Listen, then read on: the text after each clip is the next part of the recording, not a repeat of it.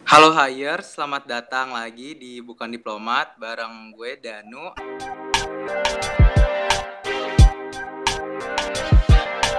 Uh, sesuai janji kita di Bukan Diplomat sebelumnya, uh, di mana kita udah ngobrolin tentang ekspektasi dan realita uh, gimana sih jadi mahasiswa HI.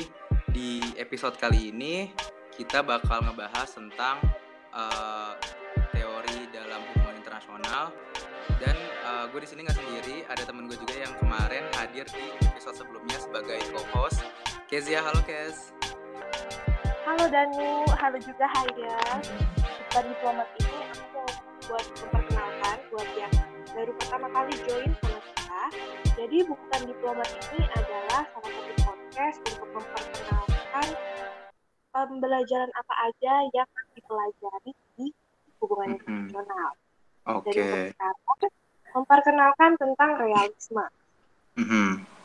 Nah, tentunya dengan apa namanya uh, materi yang lumayan berat ini kita nggak bakal ngomongin sendiri, nggak mungkin juga karena kita baru mahasiswa baru mau semester 3. Jadi kita kedatangan tamu uh, spesial hari ini ada Pak Anggun Trisnanto, SIP, Master of International Development and Environmental Analysis. Analis ada analisis benar gak Pak? analisis. Analisis. Oh, iya.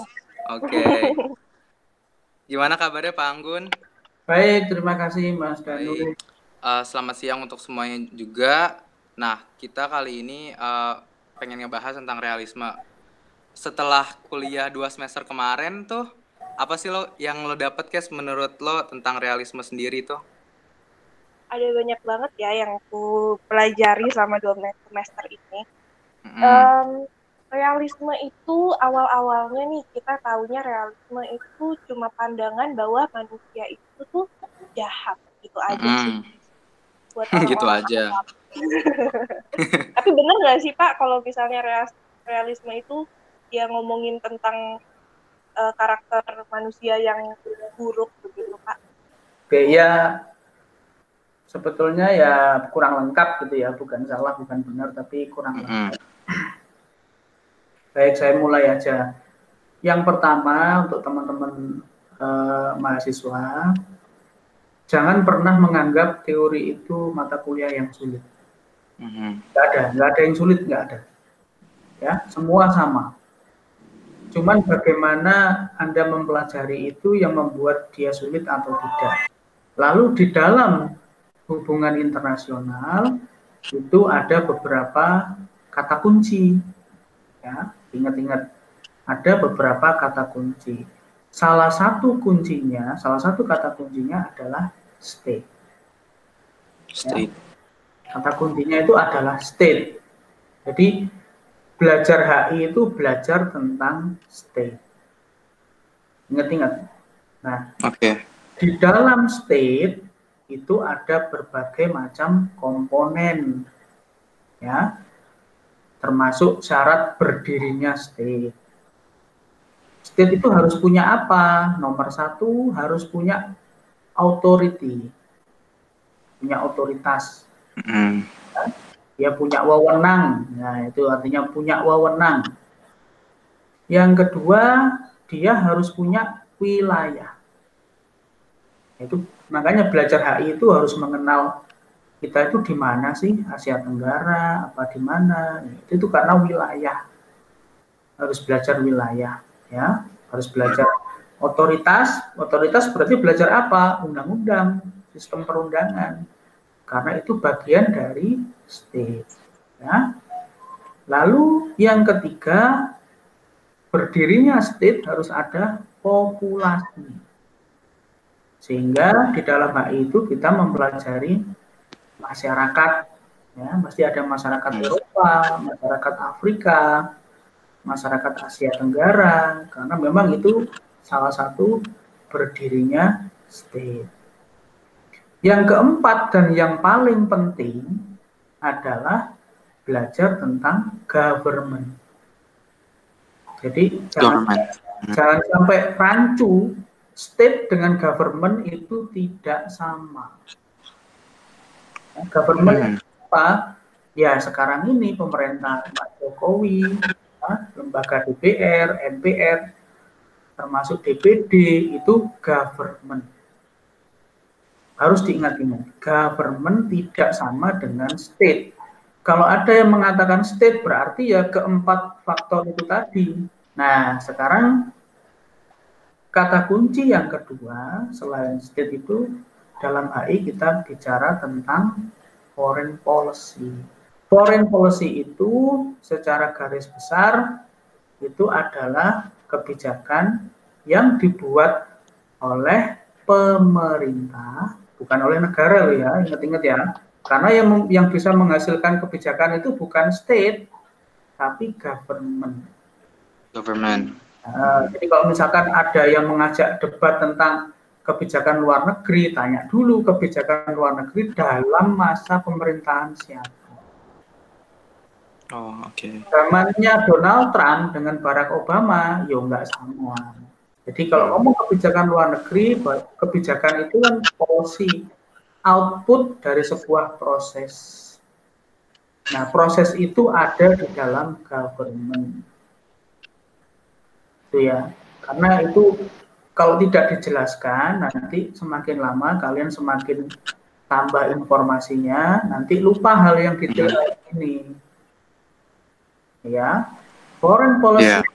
foreign policy is a kind of output that is processed by the government government is a part of state harus diingat oke okay, jadi nggak bisa dicampur-campurin ya pak. Jadi harus dipisah ya nggak bisa. Kalau kamu bilang oke okay, ini foreign policy the United States under Barack Obama administration. Foreign policy by the Chinese under uh, siapa presidennya sekarang misalkan? Xi Jinping. Uh, ya. Ya jelas. Ya, gitu ya. Oke berarti salah satu kekeliruan hmm. yang banyak orang apa ya bikin itu ya masuk apa namanya menyatukan konsep-konsep itu sehingga jadi overlapping padahal mereka beda-beda ya pak Betul, betul. Jadi ini gini Mas Danu, orang HI itu punya kelebihan dan punya kekurangan. Kelebihan kita, kita itu bisa ngomong general. Kekurangan kita, kita nggak bisa ngomong detail. Untuk menutupi kekurangan, maka konsep-konsep yang tadi Mas Danu sampaikan harus dimengerti secara detail. Iya. Ya. What is iya, state?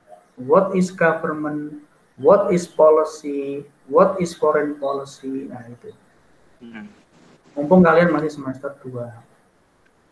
Okay. Yeah. Lanjut ya. Nah, tadi state ya, ada state, ada foreign policy. Foreign policy itu kebijakan untuk kepada negara lain. Nah, ngapain kita harus punya foreign policy? Nah, ini mulai masuk nih ke realisme Ngapain kita harus punya foreign policy? Karena kita punya kepentingan. Nah, ini konsep lagi, Mas. Mas Daniel. Hmm. Ya, interest. Pertanyaan kritisnya adalah, ini memang kepentingan, tapi kepentingannya siapa? Nah, ya, kan gitu ya. Makanya ada foreign US foreign policy, tapi di balik foreign policy itu kepentingannya siapa? Pebisnis misalkan. Kepentingannya siapa? Kepentingan Yahudi misalnya. Jadi kamu detail ngomongnya. Iya.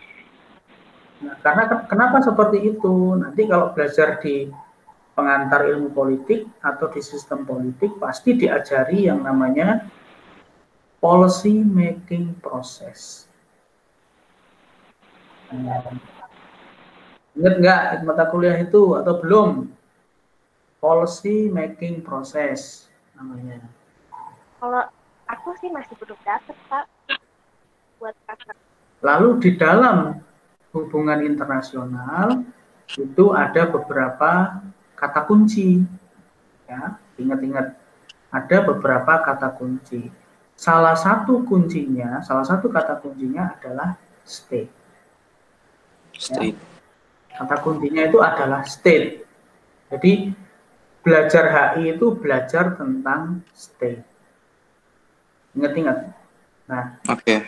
Di dalam state itu ada berbagai macam komponen, ya, termasuk syarat berdirinya state.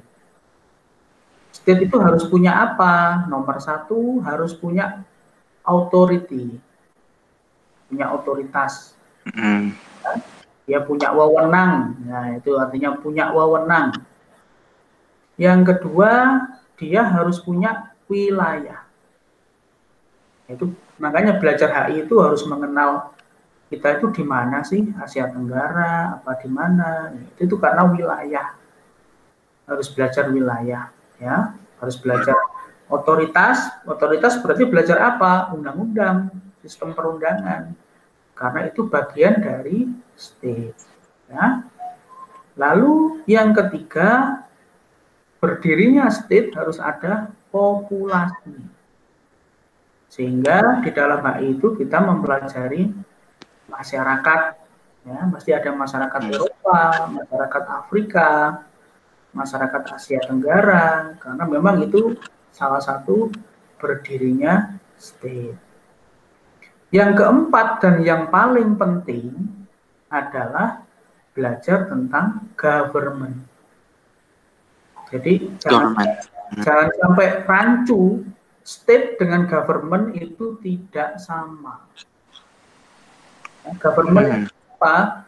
Ya sekarang ini pemerintah Pak Jokowi, ya, lembaga DPR, MPR, termasuk DPD itu government. Harus diingat-ingat, government tidak sama dengan state. Kalau ada yang mengatakan state berarti ya keempat faktor itu tadi. Nah, sekarang Kata kunci yang kedua selain state itu dalam HI kita bicara tentang foreign policy. Foreign policy itu secara garis besar itu adalah kebijakan yang dibuat oleh pemerintah, bukan oleh negara loh ya, ingat-ingat ya. Karena yang yang bisa menghasilkan kebijakan itu bukan state, tapi government. Government. Uh, jadi kalau misalkan ada yang mengajak debat tentang kebijakan luar negeri, tanya dulu kebijakan luar negeri dalam masa pemerintahan siapa. Oh, oke. Okay. Zamannya Donald Trump dengan Barack Obama, ya nggak sama. Jadi kalau ngomong kebijakan luar negeri, kebijakan itu kan policy output dari sebuah proses. Nah, proses itu ada di dalam government gitu ya karena itu kalau tidak dijelaskan nanti semakin lama kalian semakin tambah informasinya nanti lupa hal yang detail hmm. ini ya foreign policy yeah. foreign policy is a kind of output that is processed by the government government is a part of state harus diingat. Oke, jadi nggak bisa dicampur-campurin ya Pak, jadi harus dipisah. Ya, nggak bisa. Kalau kamu bilang, oke okay, ini foreign policy the United States under Barack Obama administration. Foreign policy by the Chinese under uh, siapa presidennya sekarang misalkan? Xi Jinping. Uh, ya. Ya, jelas. Ya, gitu ya. Oke. Okay. Berarti salah satu kekeliruan hmm. yang banyak orang apa ya bikin itu ya masuk apa namanya menyatukan konsep-konsep itu sehingga jadi overlapping padahal mereka beda-beda ya Pak. Betul, betul. Jadi ini gini Mas Danu, orang HI itu punya kelebihan dan punya kekurangan. Kelebihan kita, kita itu bisa ngomong general kekurangan kita, kita nggak bisa ngomong detail. Untuk menutupi kekurangan, maka konsep-konsep yang tadi Mas Ganu sampaikan harus dimengerti secara detail. Iya. Ya. What is iya, state? What is government? What is policy? What is foreign policy? Nah itu. Hmm. Mumpung kalian masih semester 2. Oke. Okay. Iya. Lanjut ya. Nah, tadi state, ya ada state, ada foreign policy. Foreign policy itu kebijakan untuk kepada negara lain ngapain kita harus punya foreign policy? Nah, ini mulai masuk nih ke realisme. Ngapain kita harus punya foreign policy? Karena kita punya kepentingan. Nah, ini konsep lagi, Mas. Mas Daniel. Hmm. Ya, interest. Pertanyaan kritisnya adalah, ini memang kepentingan, tapi kepentingannya siapa? Nah, ya, kan gitu ya. Makanya ada foreign US foreign policy, tapi di balik foreign policy itu kepentingannya siapa? Pebisnis misalkan. Kepentingannya siapa? Kepentingan Yahudi misalnya. Jadi kamu detail ngomongnya. Iya. Nah, karena kenapa seperti itu? Nanti kalau belajar di pengantar ilmu politik atau di sistem politik pasti diajari yang namanya policy making process. Nah, Ingat nggak mata kuliah itu atau belum? Policy making process namanya. Kalau aku sih masih belum dapet pak buat kakak. Oke, tak lanjut lagi ya. Iya pak. Ya, wes sampai sini paham? Paham pak. Paham. Nah, ya oke. Okay. Nah, untuk mencapai kepentingan nasional, ya ini kita ngomongnya kepentingan nasional ya, kepentingan nasional, yeah. kepentingan nasional. nasional. Untuk mencapai kepentingan nasional itu supaya berhasil, nah, kita perlu yang namanya power. Nah, ya. Ya toh. Nah sekarang yeah. pertanyaan kritisnya, power itu apa sih? Coba, power itu apa? Orang pikirnya itu power itu kayak kekuatan militer ya, Pak. Hmm, itu power secara fisik. Hmm. Jadi power itu kalau orang politik seperti kita itu mendefinisikannya adalah power is ya something that can be enforced to another person Misalkan aku mas, aku power ketika aku bisa menyuruh Mas Danu sesuatu yang dia tidak inginkan. Hmm. Itu definisi power dari Oh ya, jadi power itu yang namanya dal. Kekuasaan untuk menginfluence pihak lain itu ya Pak. Menginfluence pihak lain di mana pihak lain itu sebetulnya nggak mau melakukan itu. Jadi maksa, maksa, maksa. Memaksa. Nah, tetapi definisi power itu berkembang. Misalkan eh, nanti ada orang hukum misalkan dia menamak, mendefinisikan power itu bukan fisik, tapi power itu adalah knowledge. Ketika Mbak Kezia punya knowledge banyak, maka Anda powerful. Tapi powerful di di mata siapa? Di mata orang-orang yang nggak punya knowledge. Nah, di dalam HI, power itu didefinisikan lebih merucut kecil sekali kepada military capability. Jadi kemampuan militer nah. suatu negara, ya Pak, sangat dikerucutkan definisi powernya itu. Nah, nah ini, nah ini konklusi kecil ya, konklusi kecil. Hmm yang kita ngomongkan state, tadi kan kita ngomongkan state ya, state, interest, power, itu adalah bagian-bagian dari konsepsi atau teori tentang realisme. Jadi realisme itu nggak akan jauh-jauh dari itu.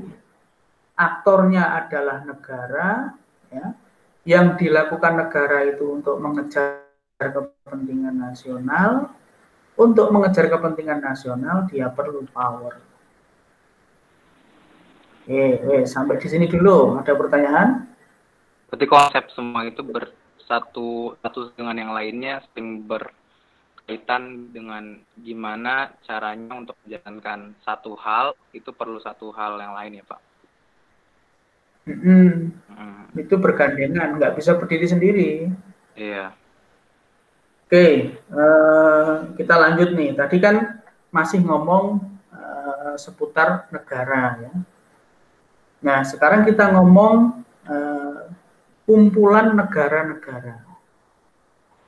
Di dunia internasional itu kan ada lebih dari 160-an negara lah ya. Uh, saya nggak nggak update untuk jumlah yang sekarang. Kira-kira ya 160-an lebih. 160 negara.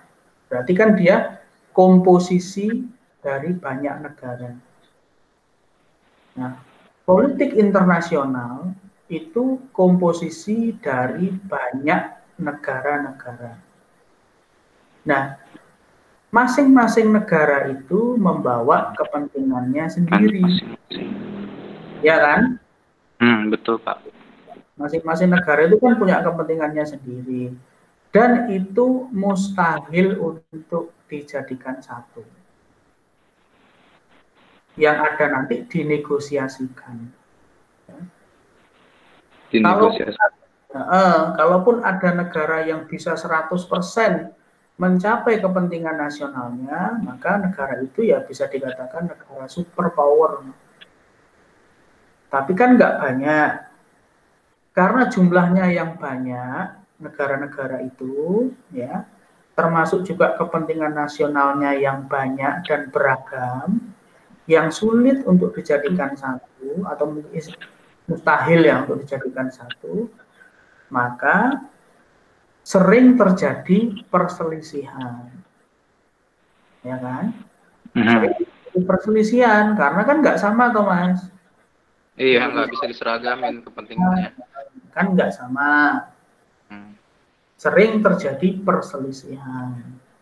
Nah di dalam pembelajaran tentang realisme, perselisihan antar negara itu sering dimaknai sebagai perang. Ya, apa pun bentuknya ya, perang antar dua negara atau perang dunia atau perang dingin. Nah, itu. Karena kenapa? Sehingga salah satu aktornya realis ya, seorang tokoh realis namanya Kenneth Waltz, mesti pernah dengar. Kenneth Waltz itu penelitiannya berangkat, berangkat dari pertanyaan kenapa perang itu kok terjadi terus. Nah, perang terjadi terus karena kepentingannya nggak sama. Padahal setiap negara itu kan kepingin memaksimalkan kepentingan di dalam definisi realisme itu kurang lebih dinamakan sebagai kondisi yang anarkis. Nah, misalkan di kelasmu nih pengantar HI, anak-anaknya nggak bisa diatur karena kepentingannya nggak sama. Apa yang terjadi di kelas itu kan nggak bisa ya. diatur. Ada yang kaki di atas meja, ya, ada yang ngomong, ada yang makan, ada yang minum. Nah, itu kondisi yang chaos. Kondisi yang anarkis. Enggak nah, ada hierarki yang paling tinggi yang lebih bisa ngatur mereka begitu Pak. Betul. Nah itu nanti lanjut kepada kenapa kok kok anarkis karena nggak ada order, nggak ada, ada order, nggak ada tatanan kita kembali lagi kepada yang dikatakan Mbak Kesia tadi, man, state, and war. Kenapa kok negara itu sulit diatur? Karena mereka itu jahat. Pada pada dasarnya sifat kemanusiaan, sifat manusia, man itu menjadi uh, faktor yang menentukan perilaku. Nah, ini Mbak Kesia, perilaku jadi si Kenneth Waltz ini termasuk orang yang pesimis melihat kelakuan manusia itu nggak bisa diatur, sama seperti kelakuan negara nggak bisa diatur. Uh, saya ulangi ya, ditekankan di situ. Kenapa kok dia dikatakan jahat? Karena memang perilaku manusia itu, human nature-nya itu, istilahnya si Kenneth Waltz itu flaw realisme itu kan berarti berputar di sekitar negara sebagai aktor utama dan ya. uh, power itu kan ya Pak. Tapi uh, saya pernah baca nih Pak katanya hubungan internasional se sebagai ilmu dari pandangan um, realis ini tidak ada perkembangan atau kemajuan. Itu maksudnya bagaimana ya Pak? Ya, itu saya gini tak cari. Kalau nanti diskusi lagi, Mbak Kesia nanti menyampaikannya begini. Pak, menurut buku yang saya baca, judulnya XXX penulisnya YYY halaman Z mengatakan bahwa demikian. Jadi Mbak Kezia berargumen itu berdasar kepada evidence atau berdasar kepada reference. Nanti aku bisa berargumen lagi kalau Mbak Kezia nggak mengatakan begitu, aku bisa berargumen bahwa, loh kamu katanya siapa?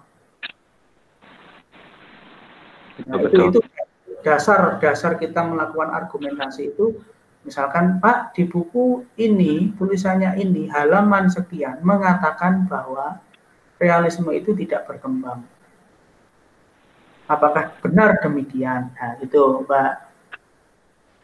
Maka jawabannya adalah realisme itu tidak akan pernah berkembang kalau dia tidak mendefinisikan kembali konsepsi-konsepsi dasar yang dia bawa. Kalau dia tetap main aktor adalah stay terus, ya bahwa HI itu harus national interest terus, ya bahwa HI itu security di lima terus, ya kamu nggak akan berkembang dari penjelasan yang kamu tawarkan di tahun 50-an. Kan gitu, sehingga kalau ada pertanyaan itu, ya tetap ditanyakan secara kritis kamu bilang bahwa realisme itu tidak berkembang. Sebentar, sebentar. Nah, realisme tahun berapa ini yang nggak berkembang? Ya, itu itu menanyakan menanyakan secara utuh dirinya sendiri. Jadi kalau misalkan mau mengkritik realis, jangan dari liberal. Kamu ngomongnya bahwa Ustadz itu sekarang anu kok apa apa aktor itu sekarang ada eh, misalkan MNC, ada ada tokoh-tokoh ini, ada macam-macam NGO ya. Itu kan dari perspektifmu. Tapi dari perspektifnya realis sendiri, kamu mendefinisikan state itu dari state tahun 50-an dengan state tahun 2020, ada nggak perkembangan? Berubah nggak dia? Ada. Nah, itu berarti bisa menjawab bahwa, loh, realis itu berkembang kok bukannya tidak berkembang. Nah sekarang bentuk negara itu juga berubah. Kan gitu ya. Government itu ya berubah. Kalau dulu government itu isinya adalah tekno birokratis ya. Tekno birokratis itu isinya adalah orang-orang teknik ya, orang-orang teknik dan orang-orang birokrat. Nah, sekarang government itu isinya siapa? milenial misalkan. Nah, itu itu belajar belajar menjawab kritik itu dengan kayak gitu. Hmm. Melihat perbedaan dulu dan sekarang. Jadi kalau ngomong realis berarti nggak jauh-jauh dari state, foreign policy, national interest, anarki. Anarki. Kan? Terus hmm. tadi sama Mas Baru ditambahkan sovereign Justru sovereign karena sovereign itu nggak bisa diatur, Mas. Karena iya. tidak ada lagi di atas dia. Tuh. Sehingga uh, uh, kondisi yang tidak ada yang mengatur itu menjadikan dia anarkial katanya. Jadi bahasanya itu kalau Kenneth Waltz itu uh, ada tiga hal ya yang diutarakan Kenneth Walsh di bukunya itu tahun 54 satu international politics is composed of sovereign nation state yang kedua si Kenneth Walsh mengatakan there is no world government which mean there is no international order jadi karena di atas sovereign itu sudah nggak ada berarti Eh, level di dunia internasional itu tidak ada yang mengorder, yang mengatur. Ya, paham ya? Dalam tingkatan dalam tingkatan tatanan itu negara menjadi uh, satu badan tingkat hierarkinya paling tinggi ya Pak? Betul, wes nggak ada lagi di atas dia. Hmm. Nah, karena sudah nggak ada lagi di atas dia dan kepentingannya macam-macam, sehingga nomor tiga nih katanya Kenneth Walsh, the absence of a world government, ya nggak adanya world government, tidak ada pemerintahan dunia, it means international politics is anarchical.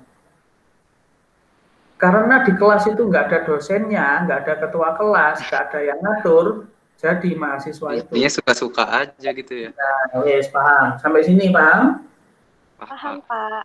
Nah, tujuan dari negara, ya, tujuan dari state itu untuk survive. Jadi ke, kenapa kok kepentingan itu menjadi sangat urgent karena dia mau survive tanpa survive ya dia akan ditekan oleh negara yang lain. Hmm. Nah, karena dia harus survive, kalau nggak gitu dia ditekan, maka muncullah konsep lain di dalam teori realis yang namanya security dilemma. Jadi ada dilema keamanan. Maksudnya begini, dilema itu aku tuh sebetulnya negara aku tuh nggak kepingin kayak gitu, mau seenaknya sendiri. Tetapi karena tetanggaku ini mau seenaknya sendiri dan dia mengancam, mau nggak mau aku juga harus melakukan hal yang sama. Dan tetangganya itu juga ngerasain hal yang sama mungkin Pak. Lah, wis paham sekarang, ya. Hmm. Paham ya? Itulah yang dinamakan security dilemma. Jadi mungkin sama-sama nggak mau, cuma karena sama-sama ningkatin ancaman untuk satu sama hmm. lain, jadi akhirnya ya nggak ada pilihan lain selain mereka untuk ya meningkatkan kemampuan untuk bertahan. Betul. Yes. Sampai sini paham ya? Paham pak.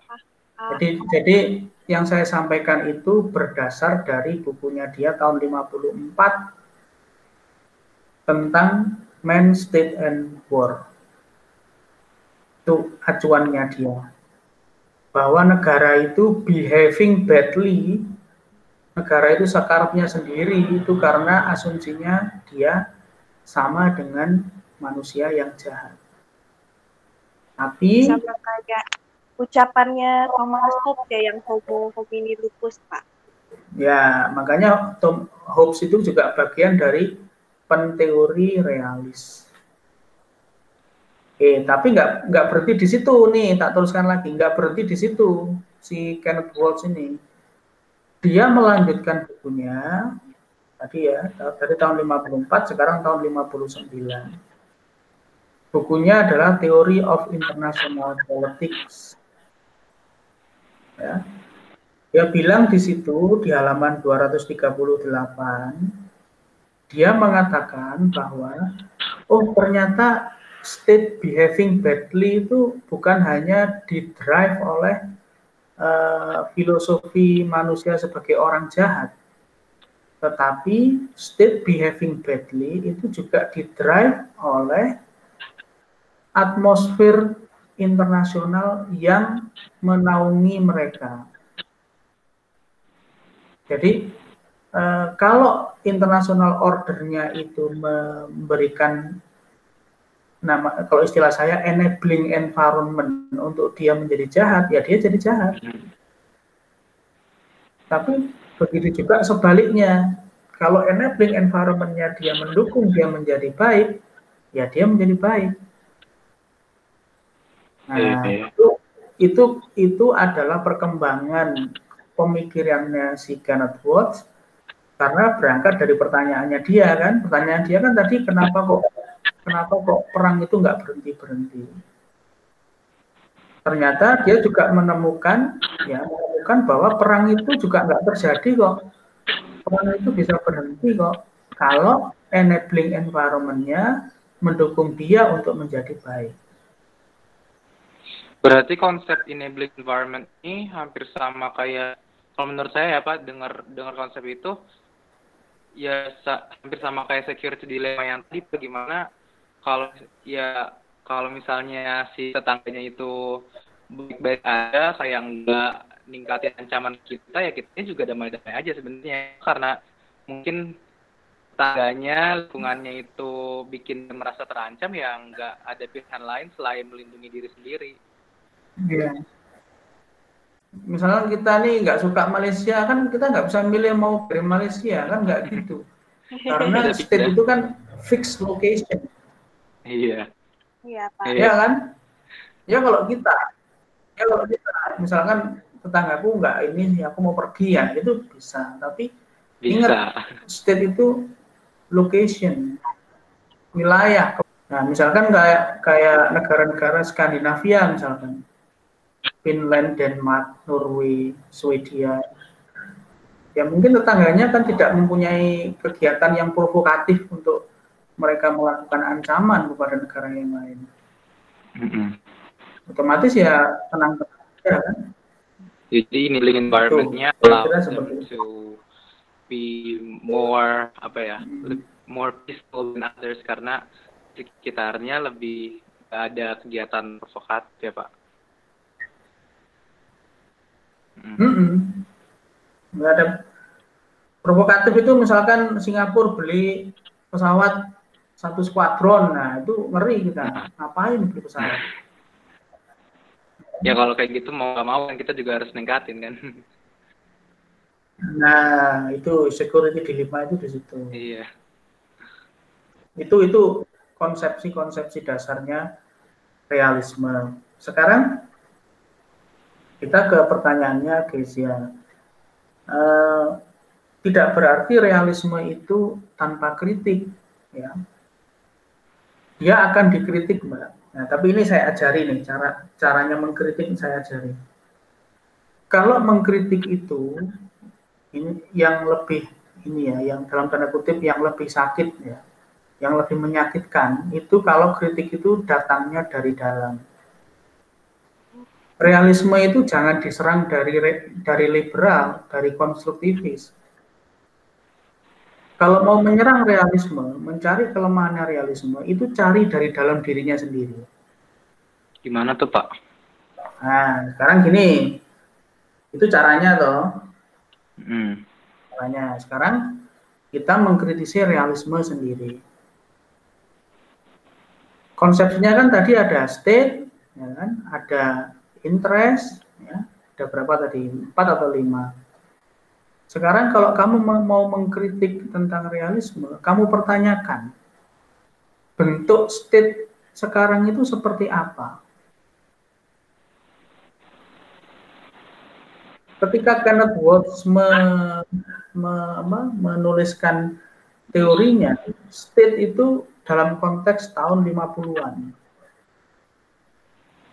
State sebagai main aktor dalam international politics Nah, dalam konteks yang sekarang 2020, siapakah aktor internasional yang paling penting? Apakah state lagi atau bukan?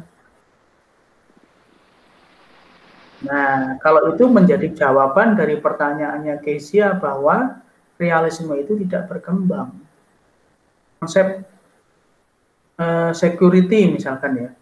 Kalau realisme itu bergeser mendefinisikan security itu tidak hanya military capability, tapi mendefinisikan security itu misalkan GDP misalkan.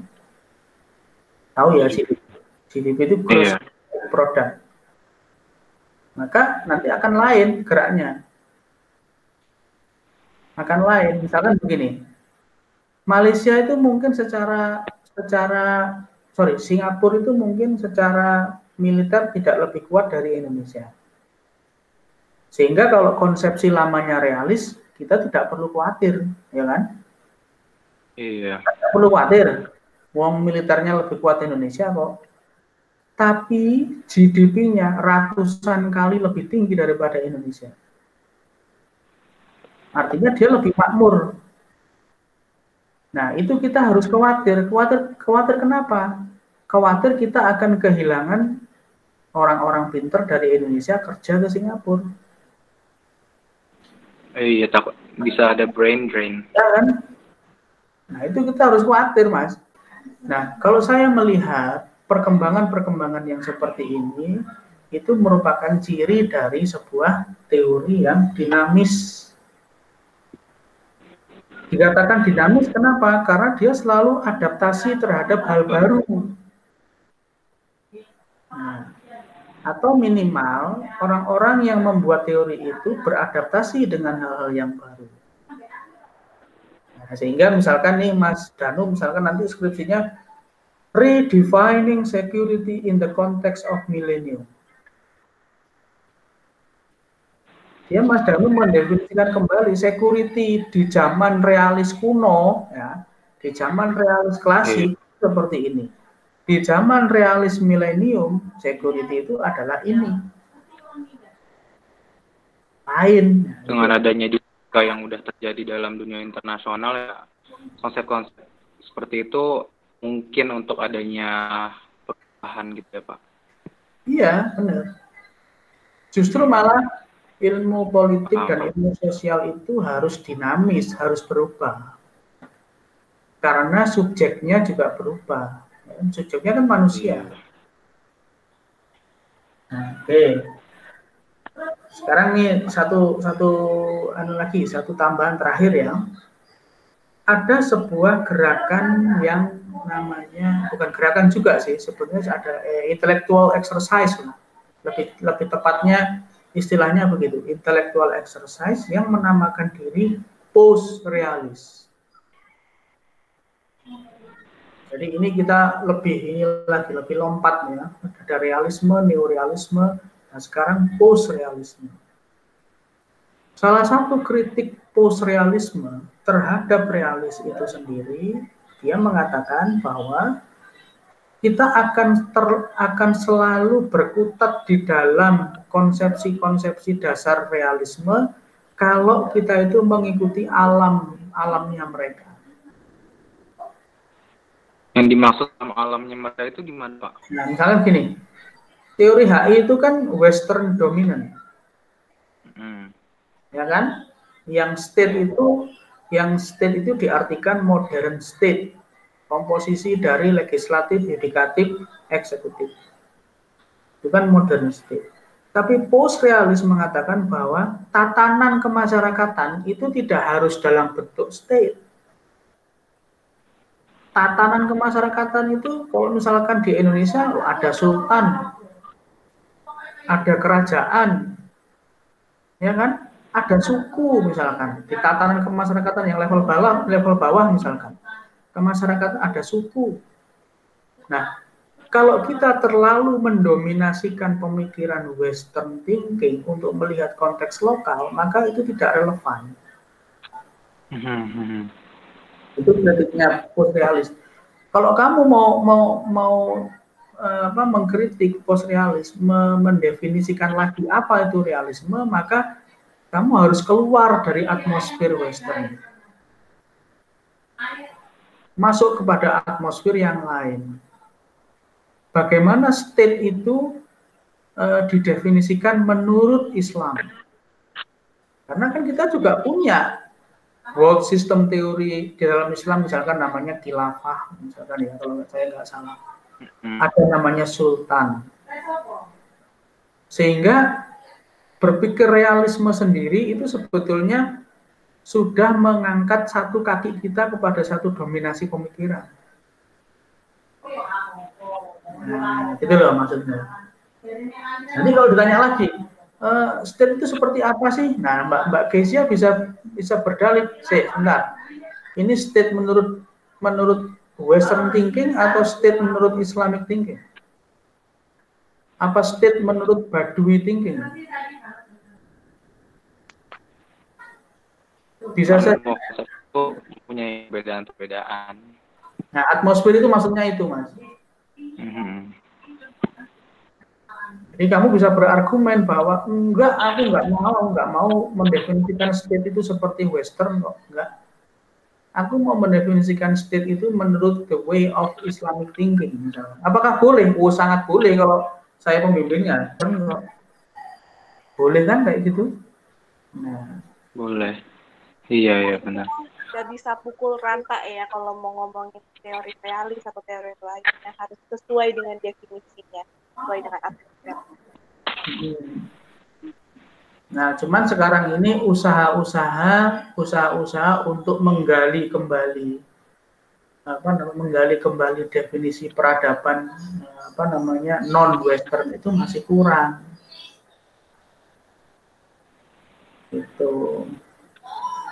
Ya itu sementara apa namanya uh, prolog ya, prolog dari saya yang salah satu scholar yang murtad dari realisme. Lalu Pak, uh, kan tadi Bapak juga sim apa namanya uh, sebut dengan uh, konsep di mana negara itu ya harus survive kan, uh, dan apa namanya untuk survive itu nggak uh, bisa ngandelin uh, apa ya nggak bisa ngandelin ke generosity negara lain. Karena kita nggak bisa menjamin negara lain itu ya bisa apanya baik-baik aja dengan negara kita. Uh, ya. mau bekerja sama gitu. Uh, nah bekerja sama itu nanti pindah teori mbak Chris ya. Nah kalau uh, konsep yang tadi itu mungkin hampir uh, ya apa namanya penjelasan dari pendapat Tusides di bukunya yang Peloponnesian War kalau salah yang waktu itu dia apa namanya waktu yang kalau nggak salah so, berbunyi kalau nggak salah the the strong do what they have to do and the weak accept what they have to accept.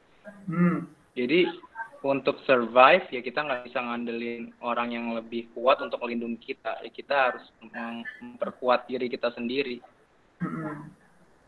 Ya yeah, yeah more or less something like that. Untuk case study ini pak uh, saya pengen bahas salah satu hal yang belum lama ini sebenarnya terjadi mm-hmm. apa namanya disputed territory yang ada di Himalaya antara Cina dan India yang kita tahu sendiri sebenarnya uh, teritori tersebut uh, memang sudah bagian dari disputed territory udah lama gitu.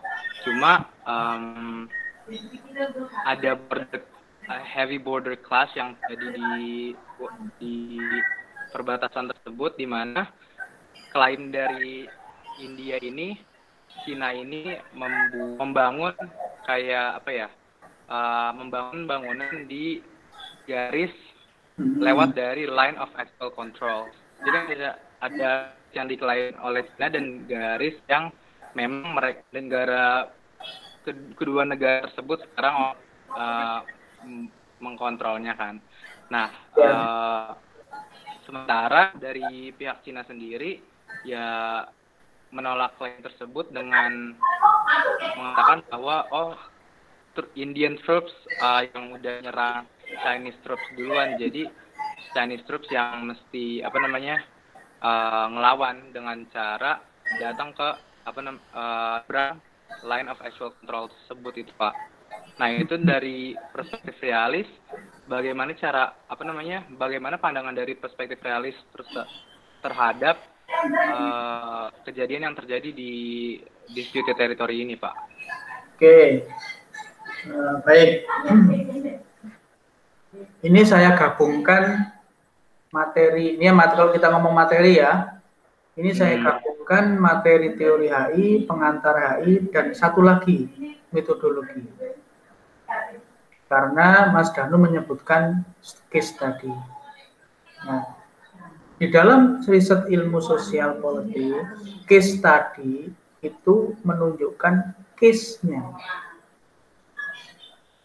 Jadi misalkan Mas Danu gini, saya itu belajar tentang apa sih?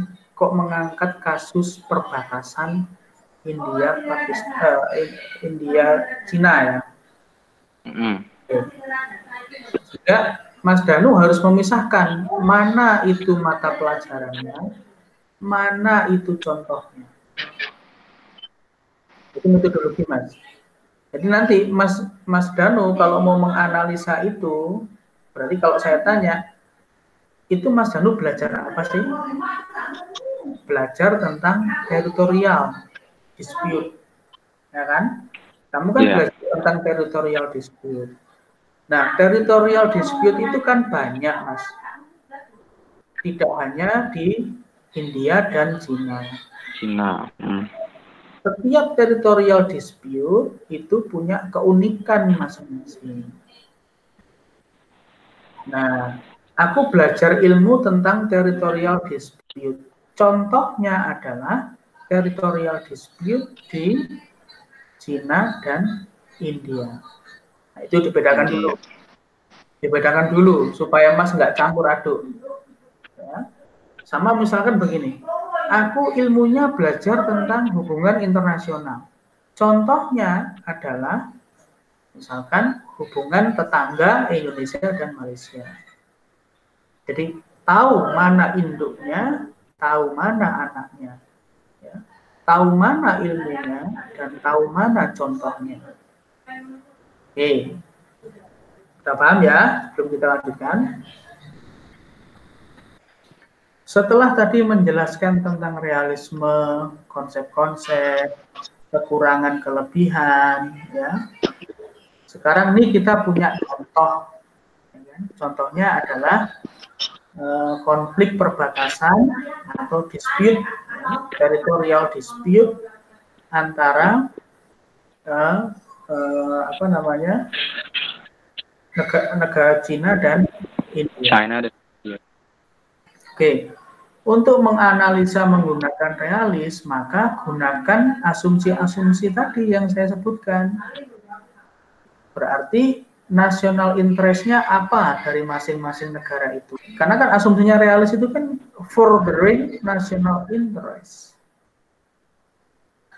Jadi rebutan rebutan wilayah itu yang mau direbut apaan sih kok harus rebutan? Ya kan Mas? Itu logika cerita sederhananya kan gitu. Iya Pak. Mas Danu sama Mbak Kesia rebutan. Yang diperebutkan apa sih kok harus sampai berantem? Itu harus jelas dulu. Nah, coba sekarang kita lihat ya, case study itu metodologi case study itu adalah melihat secara detail di perbatasan itu ada apa sih kok harus diperebutkan? Karena kita kepengen tahu interestnya negara masing-masing. Nah, misalnya apa di situ yang diperebutkan? Ada emas kah di situ? Atau ada sumber minyak kah di situ? Atau mungkin ada gas alam? Nah, itu harus kita cari tahu. Nah, itu mas. Lah, Makanya itu didetailkan dulu, Mas. Nah, kan? Territorial dispute. Lo ngapain didisputekan? Emangnya di situ ada apa? Kok repot-repot India sama Cina kok rebutan? Apa yang diperebutkan? Eh, itu harus kamu cari tahu dulu. Supaya apa? Supaya ketemu interestnya. Misal aja. Yang diperebutkan itu adalah di situ ada lokasi tambang segede Freeport misalkan. Misalkan aja lo ini. Berarti itu kan aset yang sangat berharga untuk masing-masing negara. Ya kan? Sehingga hmm. itu harus diperebutkan. Soalnya kalau nggak gitu dicaplok sama tetangga. Yeah. Ya kalau tetangganya baik. Nah ingat ya, kalau tetangganya jahat, Padahal sistemnya realis itu anarki, nggak ada yang ngatur, suka-sukanya sendiri. Cuman nggak ngeklaim salahmu sendiri, kamu takut-takut. Ya sudah, ini tak klaim. Ini punya aku. Kenapa seperti itu? Tadi tidak ada world order. Ini pertanyaannya nih. Cuman kalau penjelasannya seperti itu, apakah cukup? Kan nggak cukup karena semua orang akan melakukan analisis yang sama seperti itu. Nah, supaya kalian bisa membuat hal itu menarik, ya, dan itu membuat orang lain menjadi tertarik, nah kamu perkuat di detailnya. Misalkan nih ya, misalkan nih, ini pengalaman saya. Saya termasuk tidak banyak dari dosen HI yang melihat realita kehidupan itu dengan langsung. Sehingga saya punya banyak sekali pengalaman riset lapangan. Ini saya ceritakan riset lapangan yang berhubungan dengan ilmu dispute teritori. Hmm. Nah, waktu itu pengalaman saya tahun 2017 di Belu, Provinsi Nusa Tenggara Timur yang berbatasan dengan Timor Leste. Nah, di situ Mas, persoalannya itu terlepas dari persoalan-persoalan yang orang-orang itu sok tahu. Jadi mana tuh Pak? di Belu di perbatasan itu Atambua itu nah orang kan melihatnya gini nih melihatnya gini wah perbatasan dengan Timor Leste itu apa namanya eh, garisnya itu jelas. Garis batas di peta itu loh mas. Klaim itu kan jelas garisnya. Itu kan normatifnya. Orang yang sok tahu. Yeah. Tetapi dalam kenyataannya ketika saya di, di sana, yang namanya garis itu tidak jelas. Kenapa? Karena patok itu, patok penya, patok apa namanya? Kayak tonggak itu, patok menunjukkan bahwa ini punya Indonesia. Itu, hmm. itu sering kali hilang. Sehingga batasnya tidak jelas. Nah, hmm. hilang itu kenapa? mungkin secara politis kita itu biasanya berasumsi hilang karena diambil orang. Diambil Timor Leste supaya batasnya bisa nambah. Enggak begitu, Mas. Hilang itu karena tertabrak hewan ternak. Hmm, bisa bisa. Ya. Karena mereka kan kenal batas-batas negara ya. Iya. Sehingga saya selalu berargumen bahwa kamu tahu detailnya dulu, baru kamu berpendapat. Enggak kok, di sana itu batasnya enggak jelas kok, patoknya hilang kok. Hilangnya itu bukan karena diambil Timor Leste, enggak, karena ditabrak sapi. Ditabrak kerbau. Kenapa? Karena hal itu biasa, Mas. Trans, animal transpassing itu biasa, wong orang menggembala itu cari padang yang banyak rumputnya kok. Yeah. Dia atau peduli dengan masyarakat di sana, dia nggak terlalu peduli dengan oh ini batas Timor Leste saya nggak bisa lewat. Uh, nggak ada yang kayak gitu, orang nggak ada yang ngawasi kok. Yeah. Di sana itu nggak ada yang ngawasi. Nah terus kenyataannya yang lain adalah, oh kalau di perbatasan itu tentara kita nggak boleh masuk ke batas batasnya apa dengan Timor Leste. Oh enggak gitu, Mas. Kita tuh boleh masuk ke sana. Boleh masuk ke sana. Tentara kita itu sudah biasa me, apa ya? Biasa meng, antara kutip menginvasi lah. Eh. Nah, Kok bisa gitu, Pak? Nah, ya memang di sana itu sangat lentur dan luntur kok namanya aturan. Hmm. Itu loh Mas.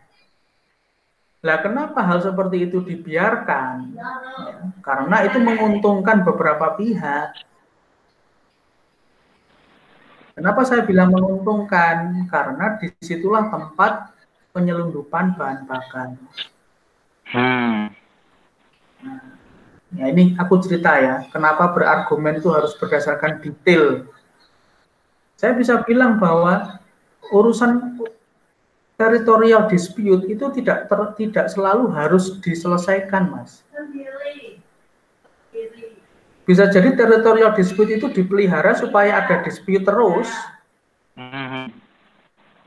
Nah, sekarang untuk untuk batas Indonesia dengan Timor Leste di Atambua, kenapa itu menjadi persoalan dan itu tidak diungkap banyak orang? Karena di sana penyelundupan bahan bakar yang dikelola oleh uh, dalam tanda kutip oknum oknum pemerintah daerah dan oknum militer oknum ya kan harganya nggak sama. Mereka pakai dolar. Iya. Jadi beli beli beli minyak ya, beli minyak dari Indonesia dijual di Timor Leste. Kan untung. Iya. Nah, sehingga urusan perbatasan itu belum tentu harus diselesaikan. Ya belum Nah, ya, ada pihak yang menguntung. lah. Karena memang ada pihak yang menguntungkan dirinya dari dispute tersebut gitu, Pak. Mm-mm. Oke. Itulah Konsep baru saya pelajarin sih, Pak. Baru banget. Nah, makanya kan saya selalu mengatakan kepada pengajar HI sering-sering ke lapangan. Untuk apa? Untuk memberikan insight baru kepada kalian. Oh, ternyata yang di lapangan yang terjadi kayak gitu. Oke, ini satu ya tentang penyelundupan. Nanti kita kembali ke Cina sama India. Yang kedua, Mas, ada yang namanya diplomasi perbatasan. Sementara ini kan diplomasi kan hanya ada di teori, ya kan? Kamu kan nggak lihat prakteknya. Nah, ini saya ceritakan prakteknya. Yang namanya diplomasi perbatasan itu seperti apa? Pada waktu malam hari, saya berada di sisi Belu, di sisi Indonesia ya. Saya melihat seberang Timor Leste itu gemerlap dengan lampu, Mas. Hmm. Cantik pokoknya. Orang yang tidak tahu akan menganggap bahwa Timor Leste itu lebih maju daripada Indonesia. Ya kan, Timor Leste lebih maju, itu banyak banyak lampu, otomatis kan listrik ada, ek- ekonomi eh, lokal economic development ada. Tetapi ingat, di balik lampu-lampu. Jadi lampu-lampu itu sengaja dinyalakan di malam hari supaya kelihatan terang, supaya kelihatan cantik, memberikan image bahwa Timor Leste itu negara yang bagus. Hmm. Tapi lepas lepas kita masuk ke sana, setelah lampu-lampu itu adalah hutan belantara, kemiskinan, preman di mana-mana. Hmm. Nah, kita nih, kita ini, kita ini kurang pinter dalam diplomasi perbatasan. Kalau kita melihat dari sisi Timor Leste, melihat Belu itu gelap. Siapa ya orang yang mau datang kalau gelap? Siapa orang yang mau invest kalau itu nggak ada infrastruktur? Benar-benar. ya kan? Nah, maksud saya adalah bahwa semakin banyak experience dari field research, semakin kamu akan tajam melakukan argumen. Seperti yang saya katakan tadi, kalau kita menganalisa dari perspektif realis yang hanya itu, ya dalam kutip hanya itu, maka penjelasan dan analisis kita itu sangat dangkal, Mas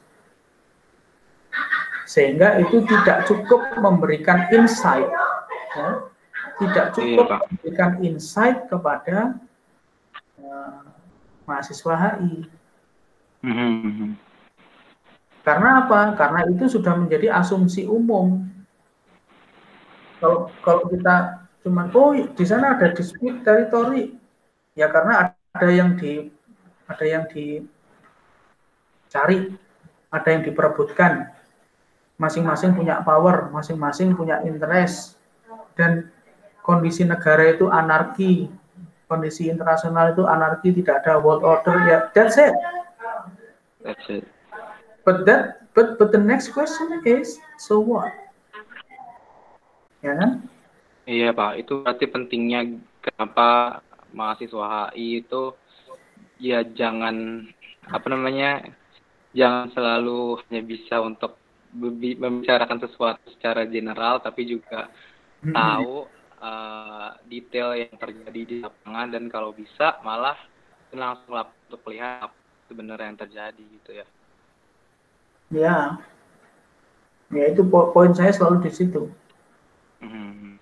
Ya, tanpa menguasai ya, kalau istilah saya basic material mas without knowing any relevant basic materials of such case you never be a good analyst itu menjawab misalkan dari perspektif realis ya memang gitu-gitu aja mas. Realis itu ya anarki ya semaunya sendiri. Furthering interest based, anarki power. Ya based on power ya. Ya akan akan itu itu aja. Itu sirkulasi boring. Hmm. tapi misalkan mas menemukan bahwa di area dispute territory itu ada suku misalkan. Ada suku terasing yang dia apa yang dia terlibat di dalam proses dispute. Nah, itu menjadi menarik. Ya sama misalkan begini ya, kenapa dulu apa pembakaran lahan ganja di Aceh itu apa menjadi fenomenal. Kayak misalkan seperti kita itu mengklaim bahwa Aceh itu lokasi ganja. Nah, itu kan perspektif orang yang nggak pernah ke sana. Oh, di sana itu ganja itu buat sayur kok ya kan? Iya, iya. Kan gitu tuh mas, ketika kamu bertemu dengan orang Aceh terus dijawab gitu apa nggak malu? Ya mesti aja di sini sering ada sering ada pembakaran lahan, di sini banyak ganja, memang itu sayur kok. Sama kalau orang Jawa itu kangkung kok. Iya ya, kan kangkung di luar negeri dilarang. Lah itu justru ya itu mas justru makanya menemukan konteks lokalnya itu dikontraskan dengan konteks globalnya itu yang bagus. Oke. Okay. Nah, ketika Anda punya full informasi tentang itu, barulah kamu melihat the beauty of of local context. Lalu kamu bisa memasukkan oh realis itu ternyata kalau menganalisa dispute itu ya nggak begitu begitu baik kok karena dia nggak dia karena dia nggak bisa masuk ke dalam level yang paling paling paling mikro ya iya nah artinya menganalisa sekaligus mengkritik oke okay. uh, eh, kita udah setuju nih di sama Pak Gun dan kita udah flashback lagi ke pelajaran yang kita pelajari di semester 1, semester 2 dari konsep negara, state, government yang kadang tuh overlap each other, uh, terus juga konsep-konsep yang ada di realisme seperti um, power, uh, security dilemma, uh, dan juga um, uh, dan dan banyak pembahasan mengenai kuat militer di dalamnya. Uh, sampai kita juga udah bahas tentang territorial dispute uh, dan pentingnya an, untuk mahasiswa HI itu nggak melihat uh, peristiwa dari luarnya aja dari media dari berita pun juga mengerti konteks lokal konteks yang terjadi di lokasi tersebut Oke, jadi mungkin itu aja buat podcast kita kali ini. Pertama-tama terima kasih buat Pak Anggun yang udah bersedia memberikan materi buat kita hari ini. Juga terima kasih buat para hayar. Terima kasih banyak Pak Anggun udah mau datang ya. Sama-sama. Sama-sama.